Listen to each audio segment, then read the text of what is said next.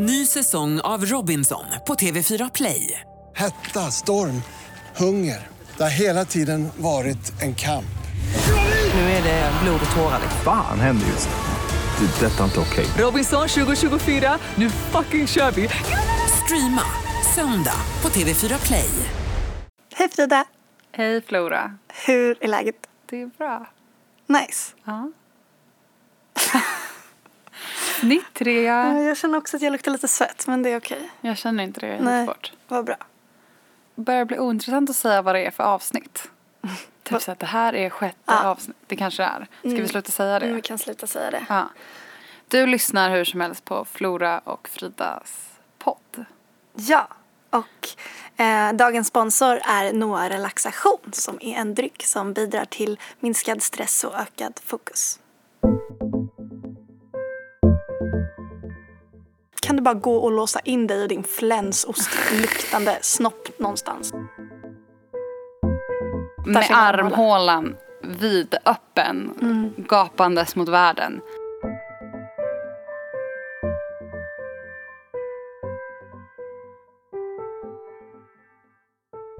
Vi börjar med en liten brasklapp.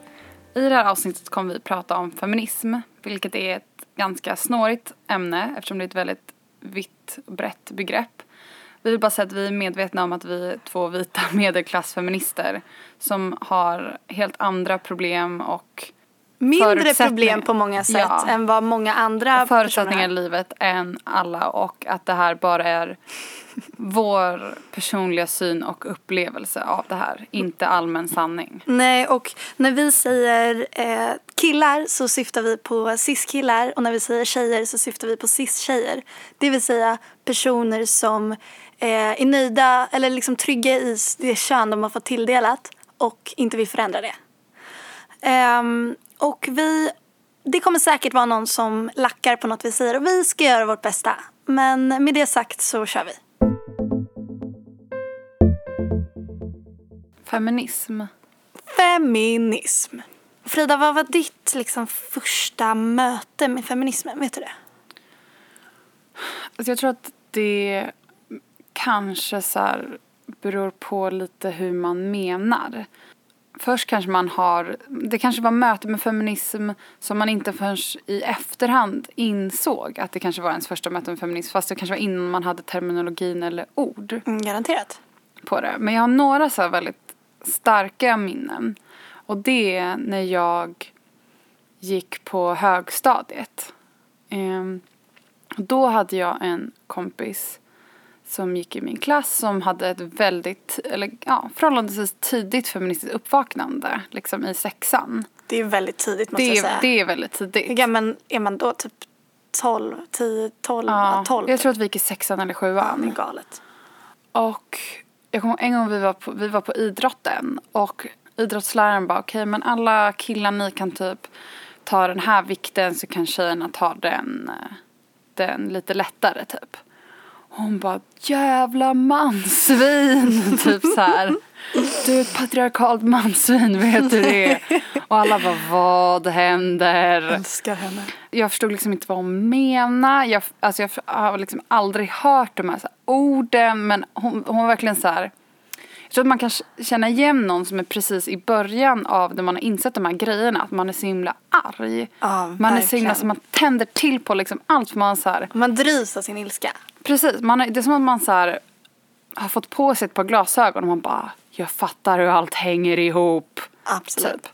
Så det var en grej. Men, men så här då, hur reagerade du på det? Var du såhär, gud vad konstig hon är? Eller var du såhär, wow? Eller? Så jag tyckte att hon var cool. Hon var ju cool. Alltså det som också, hon var ju verkligen så här snygga, coola tjejen i klassen. Så man var lite så här, oh. Fast man förstod inte riktigt. Men, och så någon vecka senare så kommer jag ihåg att eh, jag vet inte om du har den här upplevelsen av högstadiet men att det var väldigt mycket fokus på killars eh, kukar. Jo gud! Alltså det var Fan! det var hela tiden. Jag, det, var, det fanns eh, typ ståndtävlingar Nej, på lunchen. skämtar. Nej, nej, nej. Det gick ut på att så här, nere i ja, typ så här hangout-området på högstadiet så fanns så här soffor. Och då satt killarna i de här sofforna Och så, så här, gick tjejerna över killarna och gjorde någon typ så här lapdance. Du Och skämtar? jag vet, det är så himla absurt. Och den killen som typ så fick stånd först typ vann. Gud, borde det inte vara tvärtom?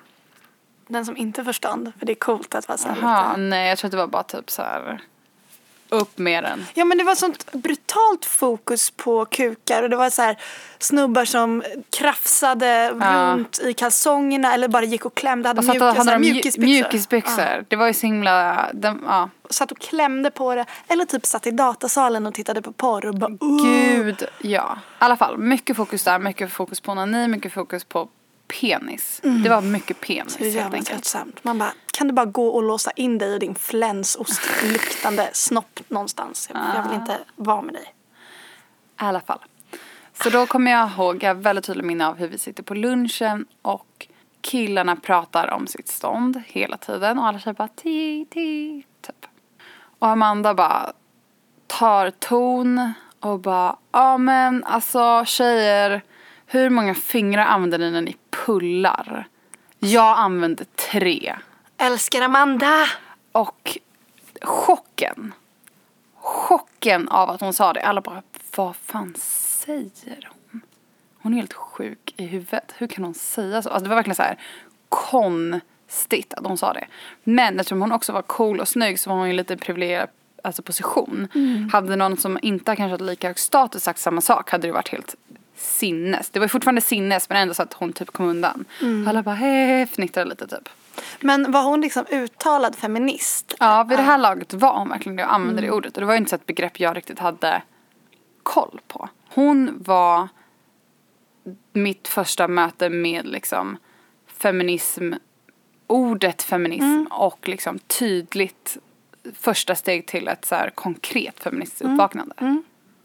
Ja men vad fett. Jag har lite liknande fast det var faktiskt, jag var ännu yngre, alltså jag gick på lågstadiet. Eh, och min kompis Jana eh, var liksom klassens feminist och vi var verkligen barn. Men Eh. har inte det också med att göra att så här, alltså inte hennes föräldrar väldigt Alltså, ja, alltså mina föräldrar, aktiva, ja, mina typ. föräldrar var inte det. Men, eh, ja, men precis, jag kommer till det. Min, eller hon var liksom uttalad feminist för att hennes föräldrar var väldigt politiskt aktiva, eh, var och är så här, vänsterpersoner. Liksom.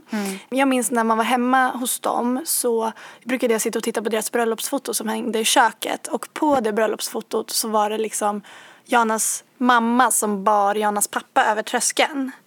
Och eh, Jana hade en liten nyckelring på sin nyckelknippa som var formad som en enkrona där en bit av enkronan saknades. Och det symboliserade liksom kvinnans lön i förhållande till mannens lön. Eh, och det här var verkligen när vi var alltså åtta bast eller någonting. Och jag minns en gång när min lärare sa, vi satt och gjorde namnlappar till en klassfest. Och hon sa Nej, ni kan inte ha gröna lappar till pojkarna och rosa till flickorna för då blir Jana sur. Eh, och det var också så här någonting som jag reflekterade över då. Men som, ehm, så, jag, så för mig har ordet feminism och feminist aldrig varit laddat för jag har haft det liksom sen jag var liten och hört det och kopplat det till väldigt så här peppiga och fina grejer.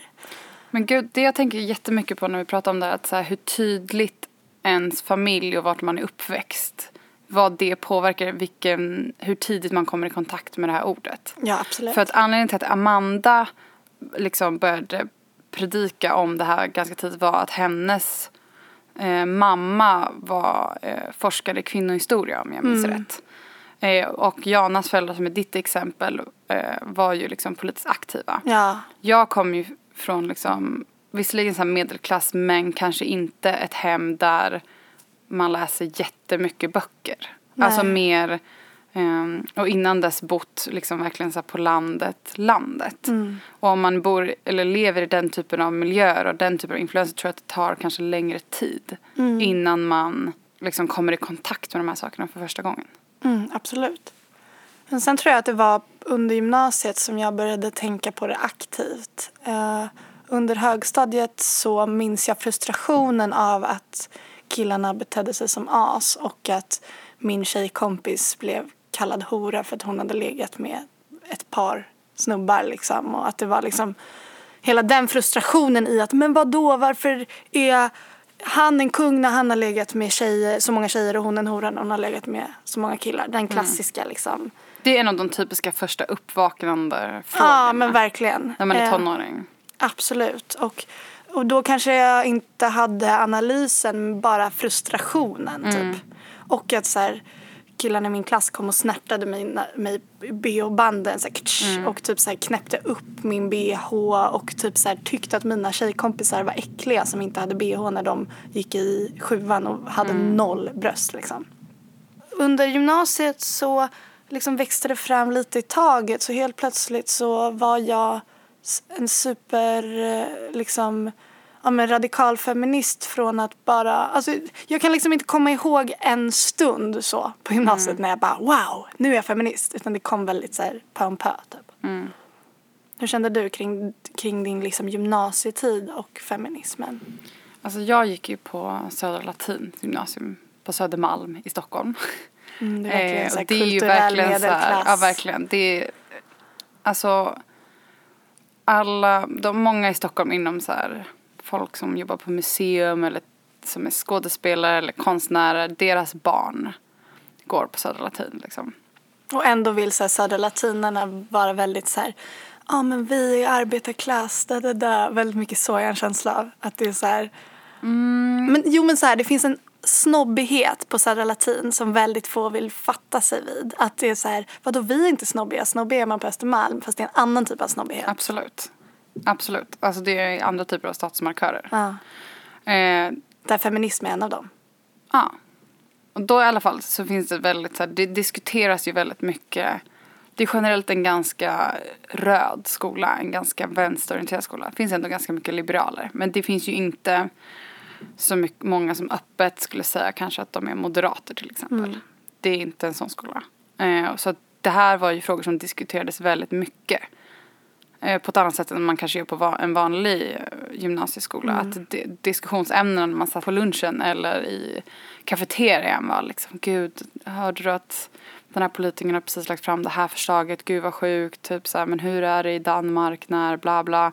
Ja. Alltså jag, Alltså- måste, jag måste bara inflika att på min skola, Viktor Rydberg, eh, där vi, när vi hade skolval så kom inte ens sossarna in i liksom, riksdagen. Så, om man i skolval. Gud vad sjukt. Jag, Så tror, att- jag kommer inte ihåg men jag tror att det var typ så här Fi hade typ störst, alltså när vi hade skolval var det liksom så här Mm. Fi och Vänsterpartiet. Typ. Så våra skolor är väldigt, väldigt motsatta. Liksom, Ja, så. politiskt. Eh, Så det var något som väldigt diskuterades väldigt mycket. Och det är också något som gö- görs att den allmänna liksom, nivån på vad folk hade koll på. Ganska, det var en ganska hög kunskapsnivå eftersom det var någonting som man lite tävlade i. Att så här, ha läst de senaste böckerna eller de senaste, sett de senaste Man var dokumentärfilmerna. tvungen att liksom hålla sig insatt för att kunna... För att hänga med ja. i samtalen. Och det i stort, alltså, till största del positivt. Att man liksom pushade varandra och liksom diskuterade och saker stöttes och blöttes. Liksom. Och tjejerna rakade sig inte under armarna, vissa färgade sitt armhål och hår. Det var ett väldigt så här... Eh, När du säger att det var till stort sett eller till största del positivt, vad, vad, varför skulle det kunna vara negativt? Jag tänker att det, det kan vara positivt när alla diskuterar saker och man vill hjälpa varandra att förstå saker och man liksom sköter det på ett schysst sätt. Men på en väldigt, när det blir på ett väldigt, ehm, en väldigt elitistisk nivå så kan det vara så att man kanske vill visa vad man själv kan, inte för att hjälpa och förklara en ståndpunkt för någon annan utan för att mer så här Mm. Visa att man har gjort sin läxa. typ. Precis, att sätta sig över och att folk var väldigt snabba med att liksom snäsa ifrån. Om man har sagt fel, typ. Ja, Ja, och det är väl det problemet som många ser inom feminismen också, att det är liksom eh, väldigt elitistiskt på många sätt och att det är liksom Södermalmsklicken, kulturell medelklass, som bestämmer, typ. Ehm, och det är ju ett jättestort problem och det är väldigt synd att det ska vara så, för på många sätt är det ju så liksom. Och där tänker jag så här att man måste bara vara mån om att inte typ ta tolkningsföreträde eller att Alltså jag tänker att som feminist så är en av grundtankarna, tänker jag, att man så backar varandra och att det är liksom det viktigaste. Så därför om man finner sig i en sån situation som du gjorde då där folk är väldigt snabba med att men vad fan säger du? Eller liksom håller på så. Att jag tror att man ska försöka tänka på att, att för att vara en så inom citattecken bra feminist som möjligt så ska man tänka på att vara också snäll mot varann och alltså peppa snarare än att klanka ner.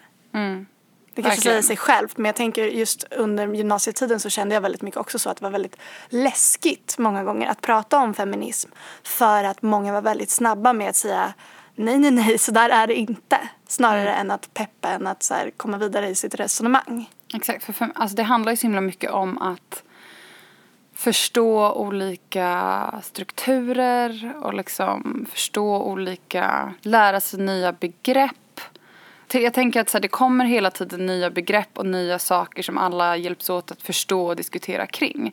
Och det är nya saker som kommer hela tiden och då kan man vara lite Typ som, cultural appropriation. Ja. Det, var ju, det var ett begrepp som liksom inte existerade i Sverige på ett lika brett som det gör idag när jag gick etta på gymnasiet till exempel. och det betyder helt enkelt att, äh, som ett exempel, att folk har mexikanskt tema på sina fester och klär, målar eh, svart mustasch och sätter på sig en stor sombrero och att man då liksom gör parodi på någon annans kultur.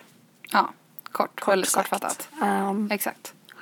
Nej men precis, så, så det där är ju på ett sätt kanske en stress. Man kan känna att gud, jag måste hänga med. Ibland så tror jag att folk går på och blir arga, inte för att det berör dem personligen de här frågorna utan för att så här, de bara släpper loss och ger utlopp för liksom så här, att få säga ifrån typ. Mm, och det kan jag känna till exempel på bloggen.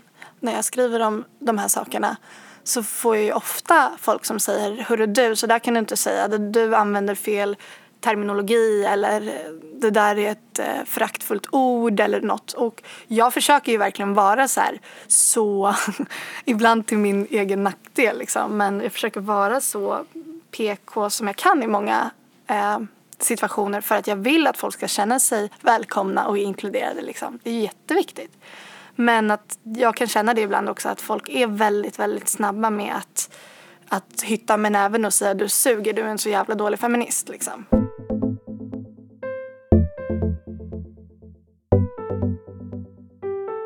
Jag i alla fall har gått in i olika faser när det handlar om så här feministiskt uppvaknande och, och så vidare.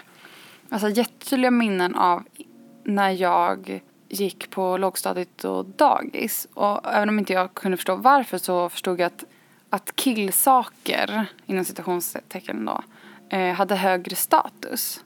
Att jag gärna så typ skröt lite om att så men jag köper kläder på killavdelningen. Eller jag gillar mest att hänga med killar. Jag tycker att det är roligare att hänga med killar än att hänga med tjejer. Ja, men som att, som att man jag typ spelar sig... fotboll. Ja men verkligen. Och att man typ kände sig cool också när man hade killkompisar. Exakt. Och att, och, eh, att man liksom upphöjde liksom kill, typiska inom situationstecken killgrejer. Liksom. Eh, och det är ju någonting man kan när man blir äldre att man reflekterar till kring. Och att det är så himla t- tråkigt.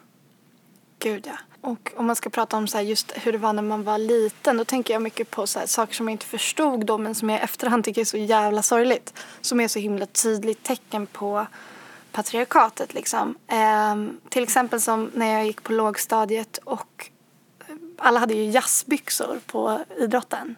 Det vill säga så här, lite glansiga byxor som typ var lite utsvängda. Eh, jag vet inte om ni minns de här. Jaha. Säger jag. In, Nej, det var i alla fall någonting som eh, figurerade i min skola. De var väldigt tajta. Eh, och jag minns att jag, alltså jag var kanske åtta år. Och jag gick till idrotten med min pappas t-shirt ovanpå mina jazzbyxor för att jag tyckte att mina lår var tjocka i dem. Och det är en sån otroligt sorglig grej. Alltså jag kan bli så fatalt ledsen liksom när jag tänker på det. För att det, det, då, där kan man ju verkligen se en tydlig påverkan på liksom barnfilm, hur liksom barnprinsessorna ser ut i filmerna från liksom vilken typ av media som mina föräldrar har konsumerat som spiller över på mig. Eller typ att jag blev magsjuk en gång när jag var också typ åtta och gick ner flera kilo för jag hade kräkt så mycket och vägde mig och bara yes. Och jag var så liten. Alltså det är så jävla jävla sorgligt. Alltså det finns liksom hur, det finns ju Ja, alltså vi ska inte sitta här. Ja. anekdoter. Nej men jag vill bara Som så här, till, ja. Verkligen, det enda jag känner är bara så här, raise boys and girls the same way. För att annars så, det är liksom det, och när man, den dagen jag blir förälder, om jag blir förälder så är det verkligen så här, det är så sjukt viktigt. Och det här är också så här banala saker, men jag har hört det här tusen gånger förut. Det här är inga nya spaningar, men det är ändå så här, det tål att upprepas.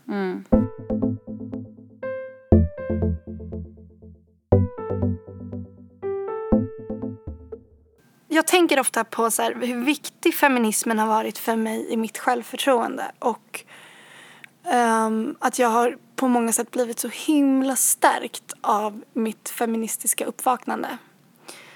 Um, också så jävla frustrerad för att som sagt man ser ju världen på ett nytt, nytt sätt liksom. Och när man har satt på sig de glasögonen så kan man inte plocka av sig dem. Nej, precis. Jag tänker på hur jag så här... Jag återkommer ofta till känslan så här... Det är inte mig det är fel på. Det är fel på samhället. Också hört förut. Jag kan ofta luta mig mot den insikten. Om jag ska ex- exemplifiera så om jag mår dåligt över min kropp eller om jag tar mycket plats i klassrummet och mår dåligt över det för det är inte riktigt lika accepterat för tjejer att ta plats i klassrummet som det är för killar.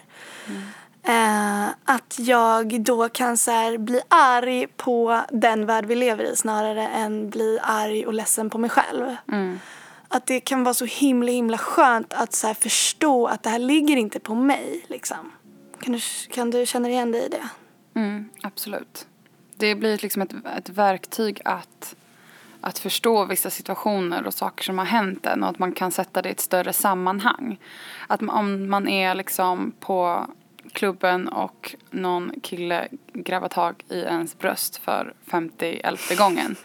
Att inte bara bli så himla himla, alltså man blir ju ledsen och arg liksom. Men att inte bara bli ledsen och arg och se situationen i jag står här, han gjorde det här, vad taskig han är. Utan att kunna se det i, i ett större, liksom bredare sammanhang. Ja, men också nu kanske- händer det här igen, det är inte okej på grund av det här, alltså det här och det här och det är typiskt att det här händer. Alltså, Ja men också att, att, att, man kan eh, rikta inte, frustration inte, utåt. Verkligen att inte bli arg på eller leds, börja reflektera över aha är det för att jag har på mig någonting Nej. som sänder sådana signaler. För det handlar liksom inte om det. Inga killar ska ta sig friheten och göra sådana saker. Mm. Alltså gud jag, jag tänker på en, ett så här väldigt tydligt scenario som alltså det händer verkligen mig varje vecka typ. När jag träffar någon som, någon snubbe som håller på inom media typ. Och så börjar man Typ. pr- typ, börjar prata om jobb. Eh, och jag är jätteintresserad. Så, ah, men vad jobbar du med? Och så bara drar den här snubben upp sin mobil i fickan och bara Ja, men jag ska visa. Jag kan gå in här på min portfolio. Här, den här, här är mitt Instagramflöde. Ja, men här. Så klickar de upp så här typ 17 bilder som man ska titta på och ge respons på. Och jag skulle liksom aldrig ens få för mig att ta fram min mobil och börja visa vad det är jag håller, håller på med. Men att jag försöker göra det nu. Jag försöker verkligen ta den platsen som eh, många snubbar tar naturligt. Eller liksom ta för givet att man kan ta. Att liksom reclaima platsen i rummet. Och i konversationen.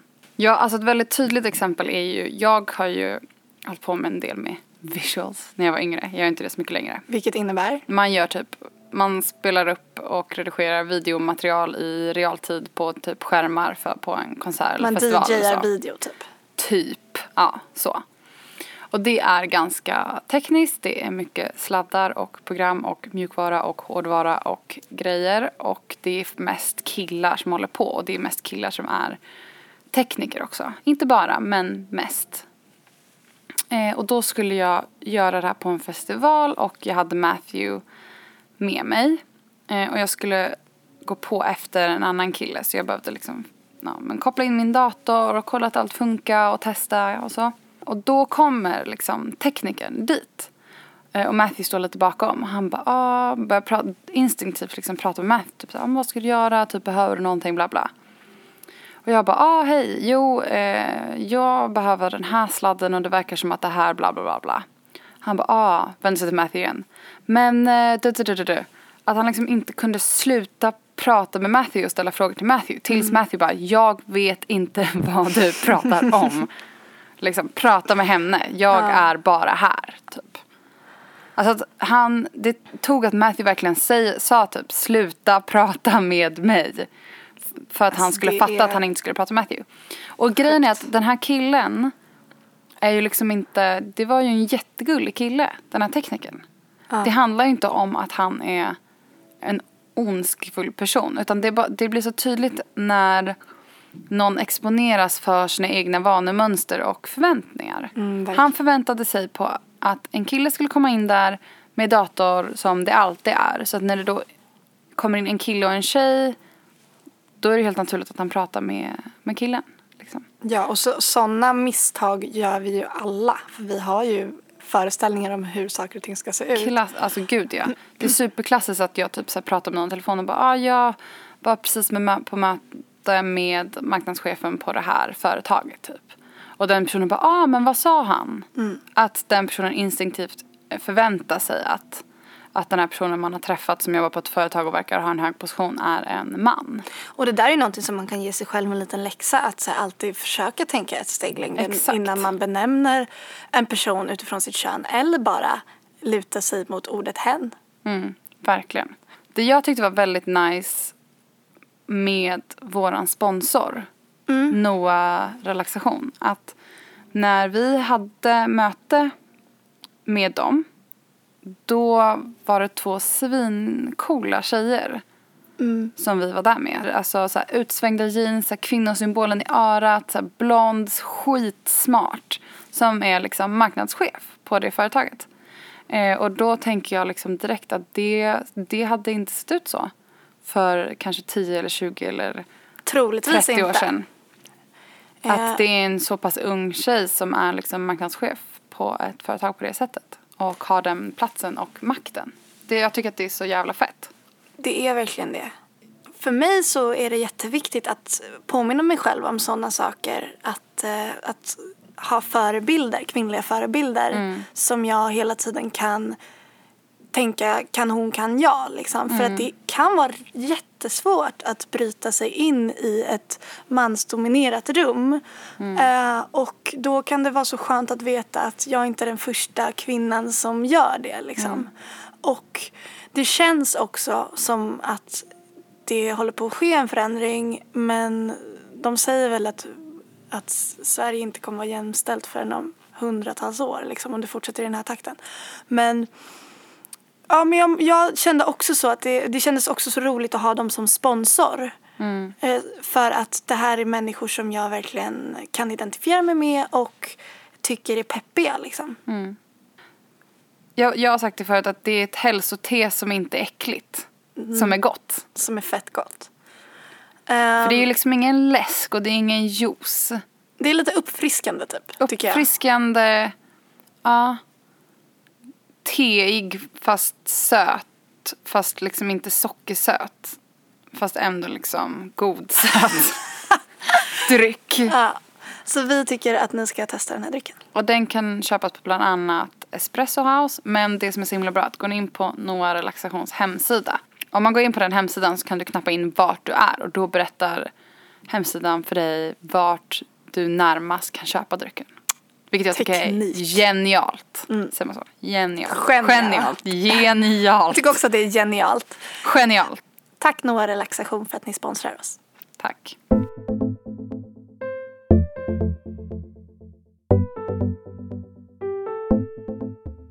Vi prat, tog ju upp det lite där i början, men när vi säger att vi ska prata om feminism, det här är ju så, alltså feminism är ju ett så otroligt brett begrepp och kan betyda så många olika saker. Bara för att jag säger att jag är feminist och du Flora säger att du är feminist så betyder det inte att vi har samma bilder eller har samma verklighetsuppfattning om vad i samhället det är som inte funkar, vad som behöver förändras och hur man ska förändra det. Du kanske skulle, eller någon har kanske åsikter om att det måste vara väldigt många pol, liksom, statliga politiska ingrepp eller vad man ska säga medan vissa tänker att på mer individnivå, att alla gör Precis. det man kan. Alltså det så, så det du säger är egentligen att så här, eh, att vara feminist handlar inte om att man, för många associerar ju feminister till vänster. Det finns ju många som är höger som är feminister också. Sen Har jag finns hört. Ja, precis. Nej men alltså det finns ju alltid folk som kritiserar det också. Och, men där, vi behöver inte ens ge oss in i det. Men med det sagt så, så här, att vara feminist är inte bundet till ett visst parti. Man behöver inte rösta på Fi för att vara feminist. Liksom. Nej. Det enda det, det handlar ju om att man inser att någonting är väldigt skevt. När det handlar om att man, människor har olika förutsättningar eh, efter kön. Både i Sverige men också eh, överallt i, i världen. Och Ja. historiskt. Och när man pratar om kön så måste man även prata om funktion, könsidentitet, hudfärg, ålder. Alltså det finns så många olika Som samverkar. Precis, och det är skitviktigt. För man, det handlar liksom inte om att backa sina vita systrar utan det handlar om att backa alla sina systrar och sina bröder. Alltså, det hand- Verkligen. Att, eh, feminismens grundtanke är ju att så här, eh, det utgår ju från mänskliga rättigheter, att alla Mm. ska ha samma möjligheter. Och det är ju det som är liksom målet. Så man brukar ju också säga typ så att jämställdhet är målet, feminismen är verktyget för att nå dit. Exakt. Och sen inom det så finns det många ol- olika syner på vilka, vilka typer av verktyg som är mer eller mindre effektiva Mm. att, att använda. Beroende på vad man har för ja, Ja. ideologiskt synsätt eller bakgrund och sånt. Och under valet, under eh, supervalåret så var det ju väldigt Älskar många... ordet. Super mega val, fantastiskt året. Pow! Då var det ju väldigt många som, eh, många politiker som började anta namnet eller begreppet eh, feminist. Eh, och det, det blev väldigt mycket frustration då. Men jag kan också tycka att det är så himla bra att, att folk börjar ta till sig det ordet för att det finns så mycket tabu kring det och det är många som, hur många gånger har man inte hört sig nej jag tror, jag tror Jag är inte feminist, men jag tror på jämställdhet men jag är inte feminist. Och det har jag, har jag hört hur många gånger som helst. Det, är liksom, det man måste komma ihåg är att vi har väldigt många människor att tacka för att vi har hamnat där vi är idag. Alltså som suffragetterna som ett exempel. Liksom. Vi hade kanske inte haft rösträtt om inte de hade kämpat för oss. Och det är liksom så här, feminismen har en historia och det är därför det också är viktigt att använda ordet feminism. ja, för det är att sätta oss i direkt länk och typ tacka Verkligen. de som har kommit innan. Men jag kan också tycka att det är något härligt med att det finns så himla många olika typer av feminister. Och jag tycker att det är bra att det finns liksom roliga feminister, det finns sexiga feminister, det finns feminister som tycker det är viktigast att göra vissa grejer. Jag vet inte, förstår du vad jag, jag menar? absolut att det är att- så himla... Det finns ju en viss Brett. stereotypbild av hur en feminist är och ser ut och ska vara. Mm. Men som du säger så finns det ju, alltså man använder feminismen på sitt sätt. Alltså vissa som håller på med feministisk konst liksom har ju det som uttryck. Någon annan ehm, debatterar i tv och Mm. för fram sin ståndpunkt där. Alltså att man, alla gör sitt liksom Mm. på ett eller annat- sätt. Och du och jag försöker ju prata om de här, eller prata om tabubelagda ämnen i den här podden och på våra bloggar och sådär. Och jag tänker att det är lite så här grundstommen i eh, vad jag vill syssla med i livet. Alltså så här, jag vill hålla på med skrivande och jag vill hålla på med illustrerande. Men det funkar inte att bara rita gulliga illustrationer i akvarell eller att bara skriva en kärlekshistoria som är gullig. Liksom. Det kan man också göra men jag känner att jag vill, jag vill liksom bryta tabuer om du förstår vad jag menar. På mitt sätt liksom. Men jag tycker att det är härligt också att man kan så här enas och samlas i någonting. Att liksom Kakan Hermansson som är en jätteuttalad lesbisk feminist som liksom verkligen har det spåret. Eh, och Rebecca Stella, Rebecca Simonsson, vad säger man? Som liksom leder och hand om Paradise Hotel och de ser ju ganska olika ut. Eh, utseendemässigt och vad de gör. Men att båda de röstade på Feministiskt initiativ. Jag tycker att det sig kan säga, liksom, säga någonting om att man kan vara liksom väldigt olika. Men ändå liksom enas om vissa saker. Ja, verkligen. Det finns kanske ofta en bild av eh, hur en feminist ska vara, en, en liksom föreståndare för feminism eller en föreståndare för eh, transfrågor eller vad det än är. Jag tänker, det finns ju en familj i USA. Som Frida älskar. ja, okej. Som heter, ja det här har ju varit, personligen har det här varit väldigt stort för mig som en person som har följt den här tv-serien under väldigt, väldigt många år och känner att jag har en väldigt nära koppling till Mm. Bruce som var med under den här eh, tv-serien. I alla fall. Eh, The Kardashians är ju en tv-serie som går i USA. Det är en familj och det är bland annat Kim Kardashian som kanske är mest känd som är gift med Kanye och så är det Kourtney Kendall, bla bla bla, massa personer. Eh, pappan till Kendall och Kylie, före detta Bruce Jenner och nu Caitlyn Jenner har ju nyligen kommit ut som transperson i USA. Och det har gett, har fått upp väldigt mycket plats i media och verkligen har satt transfrågorna på, på tapeten, framförallt i USA.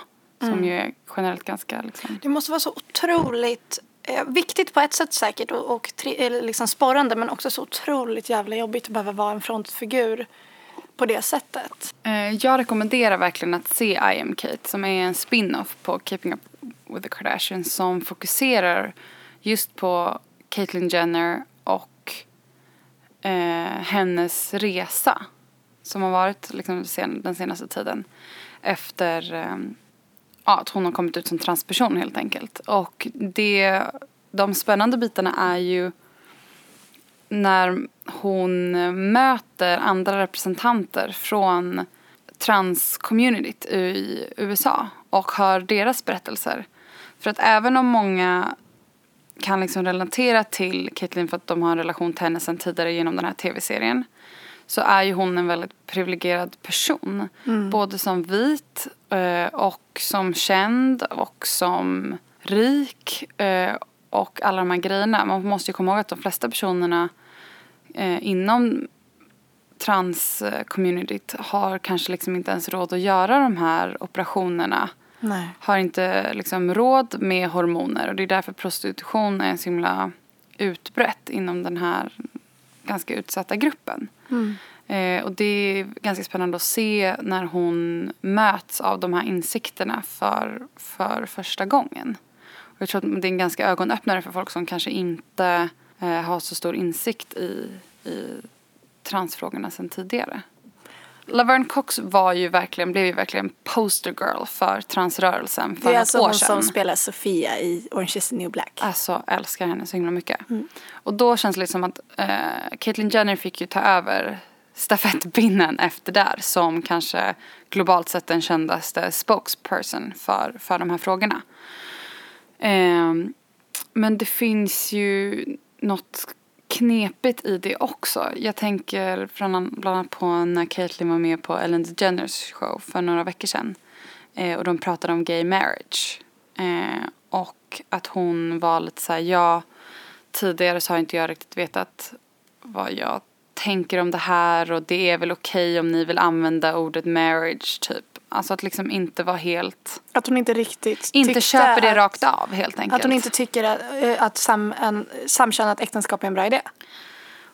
Så kanske hon inte sa, men ändå lite så här, Lite tveksam. ja, om ni måste typ. Ja, men då blir det så himla tydligt hur mycket man tillskriver en person som är frontfigur för Verkligen. en viss eh, fråga. Att, att så här, man, man tar ju fighten på sitt sätt och man väljer vilken del av fighten man vill ta också. Och alla har inte eh, samma värderingar bara för att man vill byta sitt kön. Liksom, Exakt, eller bara för att, eller korrigera. ja, förlåt. I alla fall. Eh, och eh, nej men det man måste komma ihåg är ju att Caitlyn Jenner är ju en konservativ republikan. Eh, och att bara för att en person har en transidentitet så betyder det inte att den personen skriver under på allt, allting som man kanske skulle förvänta ja, sig inom då. feminismen Ja, exempelvis. in, inom Ja. hbtq-rörelsen. Ja. Eh, eh, och jag, kan, jag tycker ju såklart att det är jävligt tråkigt att Caitlyn då kanske har den här inställningen. Men ändå typ så nyttigt för folk att se det. Att så här, ja hon är en transperson men hon har liksom de här åsikterna också. Hon är liksom konservativ. Mm, Gud vad jag känner att jag är oinsatt på detta ämne. Men det är Eh, väl- Jag har verkligen inte följt henne och jag känner mig Jag är ganska... bara följt för att jag är så slaviskt Keeping Ja. Up With The Kardashian-fan. så att det är därför jag har, har kollat såklart. Ja.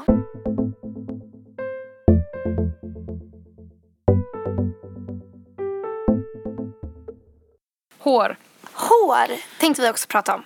När man pratar om feminism så åker ju hår upp direkt. Och det är för att det Kanske blivit... bokstavligt talat. Ja. Va? Armhålor som Aha, frodar att man åker... Okej. åker upp. Nej, okej. Ja, kul. Sorry. I alla fall. kul, Flora. Kul. Om det där.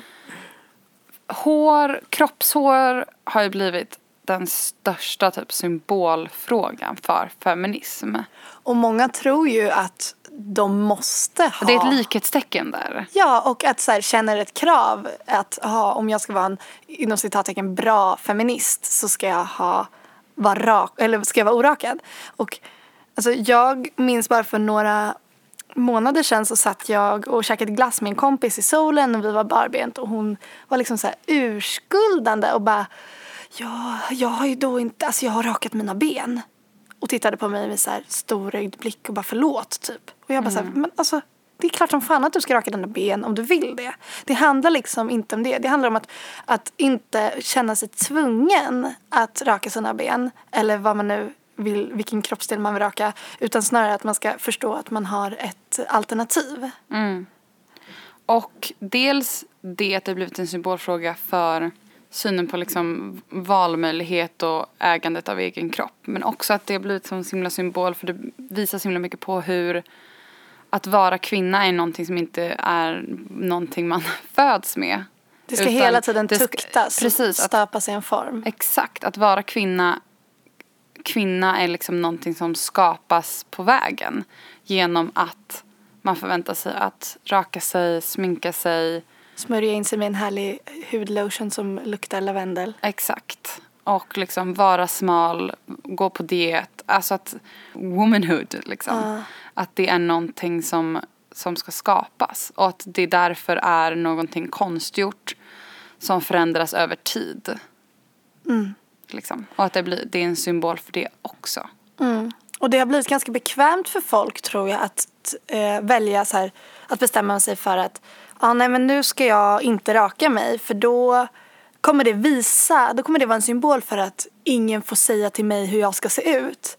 Fast jag tror att egentligen att det är väldigt lätt att låta håret flöda eller gro men att samtidigt känna väldigt, väldigt mycket press åt andra håll. Kanske hur ens kropp ska se ut eller eller så. Att ibland kan jag känna det att, att hårväxt är en, en lätt genväg till typ ja men att det ska symbolisera eh, friheten. Typ. För vissa, jag tror också att det kan vara en lätt genväg inom kretsar vi rör oss i där det ändå är relativt okej. Jag tänker om man bor på en liten ort i en liten by då kan ju att inte raka sig under armarna vara något helt revolutionerande som kanske får jättemånga personer på den platsen att ifrågasätta vissa saker. Det är Ja, ju liksom olika steg liksom. Ja, ja, det- det, huvudsaken jag tänker är att här, bara för att man rakar under armarna, jag är så himla trött på att det skulle vara liksom något sorts tecken på att man är en, en, liksom en dålig feminist.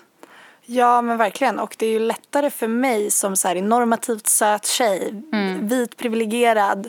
Det finns många liksom saker som gör att det är lättare för mig att gå med orakade Verkligen. armhålor än vad det kanske gör för någon annan. Verkligen. Det är ju, så är det ju verkligen att man, ju högre upp man är i den här hierarkiska stegen när det handlar om liksom hudfärg eller inkomst och liksom kulturellt kapital, om man är inom norm, normen snygg, ju mer av de här pluspoängen man har, desto mer kan man ju kosta på sig att kanske gå ut orakad eller att liksom skrika högt om mens. Alltså att man kan liksom ta sig den typen av friheterna. Men om man inte är normativt enligt samhällets bild liksom klassiskt vacker. Eller om man inte är liksom, om man inte har speciellt mycket pengar. Eh, de här bitarna, då har man inte lika mycket utrymme att gå minus. Nej absolut inte. Och det måste man komma ihåg. Och det är så himla enkelt då för kanske vissa privilegierade feminister att liksom Ja precis, att ta väldigt sig det här utrymmet. Ja, eh, men, men jag måste också så här när jag tänker på det så är det också mycket lättare för mig än vad det är för många. Men det är fortfarande inte alltid lätt.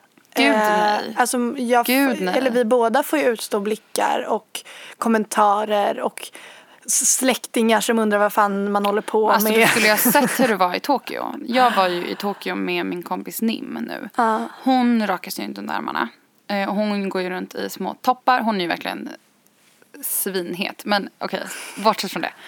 När hon är, står på tåget och liksom man håller i sig de här öglorna, du vet hur det är på Ja. eh, tåget. Så står hon så med, med armhålan vidöppen, Mm. gapandes mot världen. Alltså folk på tåget, det var ju sånt stirrande av Guds nåde. Mm. Folk satt ju som hypnotiserade när hennes här hårstrån dansande i vinden. Men jag tänker att det är också så här, visst är folk, det väcker avsky ibland men jag tänker också, jag, jag hoppas att det väcker Det väcker väl tankar ja, också? Exakt, och det är ju det som känns viktigt. När man ställs inför någonting som man aldrig har behövt fundera på tidigare. Om man går, om man är, om man går ut på stan och alla kvinnliga armhålor man ser liksom inte, det finns inte ett hårstrå. Då, kan, då reflekterar man inte över det utan det är bara, det är liksom samhällets ordning. Ja, alltså Och min det, kompis det jobbade... funktion... Min kompis jobbade på förskola Mm. och eh, det var en liten, liten pojke som frågade varför hon hade hår på benen. Mm. Och hon bara, men vi tjejer har också hår på benen. Alltså det var så Mm. sjukt att redan då när man är så liten, för, att, för han hade antagligen bara sett liksom, slätrakade ben Mm. på tjejer. Precis, och då måste man liksom exponeras för något oordnat. För att liksom rucka kunna... på den världsordningen. Exakt, för att kunna liksom... Men alltså jag måste säga att anledningen till att jag inte rakar mig, det är såklart att att eh, det är ett statement på ett sätt och för att det är, ja, men som vi varit inne på, att det är lättare för mig att strunta i en sån sak för att jag har andra liksom, fördelar så att säga. Men det är också för att jag tycker att det är så jävla tråkigt. Alltså jag, alltså jag tycker att det är så tråkigt att raka benen. Det tar så lång tid och man kan göra mycket roligare saker på den tiden. Jag har alltid haft en rakhyvel i duschen. Men den är ju inte frekvent använd, om man säger så. Eh, och jag har liksom ah, inte förstått att man ska byta rakblad. Nej, och då, om man inte byter rakblad då är det jävla pina. Alltså, jag vill bara att ni som lyssnar ska liksom ta in det här. Jag köpte liksom en rakhyvel. Kan det ha varit när jag flyttade hemifrån? Eller jag vet inte om jag till och med hade med mig den innan jag flyttade hemifrån. Vi pratar år. År. Minst tre år. Minst tre år. Det blir så slött. Med typ samma, jag, med samma rakhyvelsgrej som inte jag har bytt. Då hade antagligen mina naglar varit mer effektiva. Ja, så jag har alltid tänkt typ så att det är lite obekvämt. Det tar emot lite. För att det också raka. tar så, sån tid då liksom. Ja, det tar, det, den är slö, det liksom funkar inte. Men jag har liksom inte reflekterat över det. Sen så var jag på mataffären och jag såg så här rakhyvlar. Och det första gången jag tänkte så här, ah, men man kanske ska typ byta dem ibland. Så jag bara, men jag köper ett paket, tar jag hem. Och så köpte jag ett paket och så bytte jag så att jag på de här rakhyvlarna på min rakhyvelsgrej. Vad fan heter det? På mitt, min rakhyvel. Och så testade jag dra ett tag på benen och det, det bara gled fram. Det var en helt ny Det var en njutning. Alltså det, ja, det är klart att det kan ju vara en njutning. Jag tycker fortfarande att det är pisstråkigt. Men det var så himla, jag tycker bara att det är så intressant att det har undgått mig.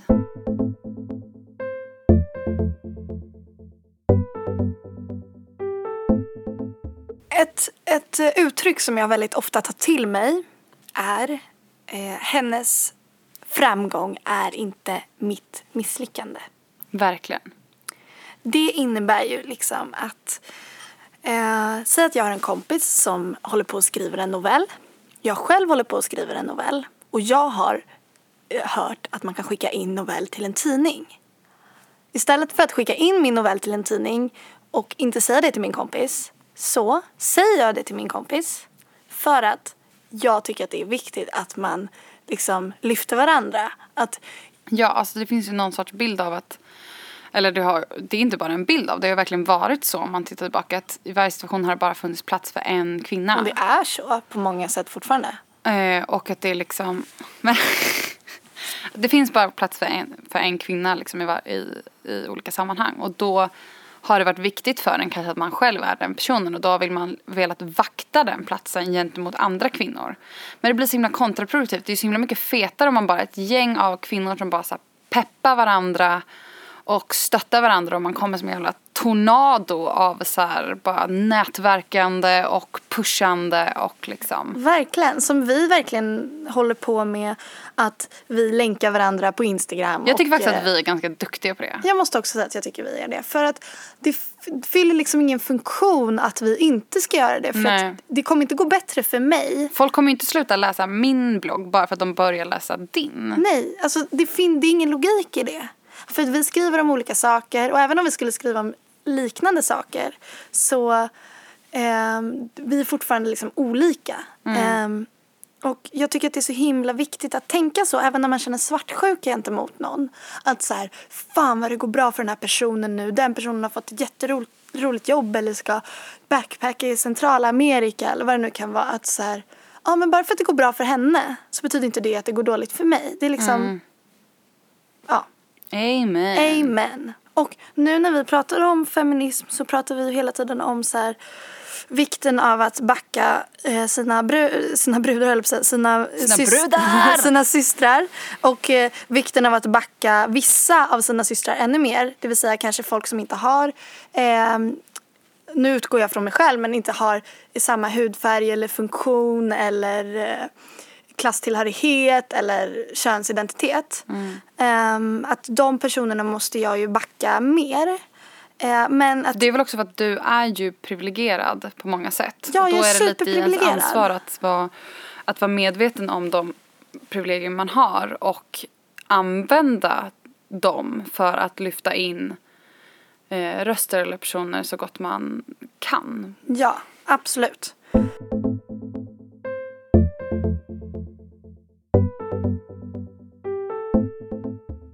Vi vill tacka Johanna Frostling som gjort musiken, Frida Sundqvist som har tagit bilden. Felix Berg som klipper. Noah Relaxation som har gått in som sponsor. Sen vill vi även eh, utbringa en skål till de som har eh, använt vår hashtag. Vi uppmuntrar ju att sprida vår hashtag Floridapod, Floridapod. Och då vill vi tacka Adnama 2, Ines Palm med Z, Emma Maria Olsson, Edin Ida, Vinyl Snurrar på Instagram, Pia Berglund, XX Lena, Lena i Boston, Perks of Being Modalen, Nybrand, Nybrand, Bea Hallberg. Eh, Susveit, Z-U-Z-W-I-E-I-T och på Twitter. Nina Hjalmarsson, Isabella Plars, Rebecca understreck A med, med fyra C. Tack som fan för att ni hashtaggar eh, och för att ni lyssnar. Vi är jätte, jätteglada för det. Tipsa gärna era kompisar om den här podden så att vi... Och prenumerera och betygsätt gärna. Så, det var slut på uppmaningar. Det är allt vi vill att ni ska göra. Vi hörs om två veckor. Hej då!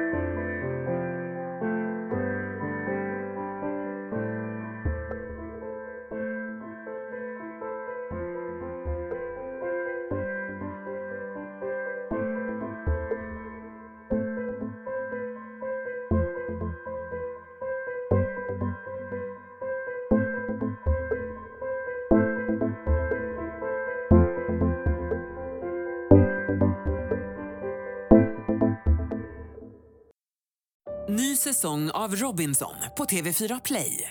Hetta, storm, hunger. Det har hela tiden varit en kamp. Nu är det blod och tårar. Fan händer just nu. Det. är Detta är inte okej. Robinson 2024, nu fucking kör vi! Streama söndag på TV4 Play.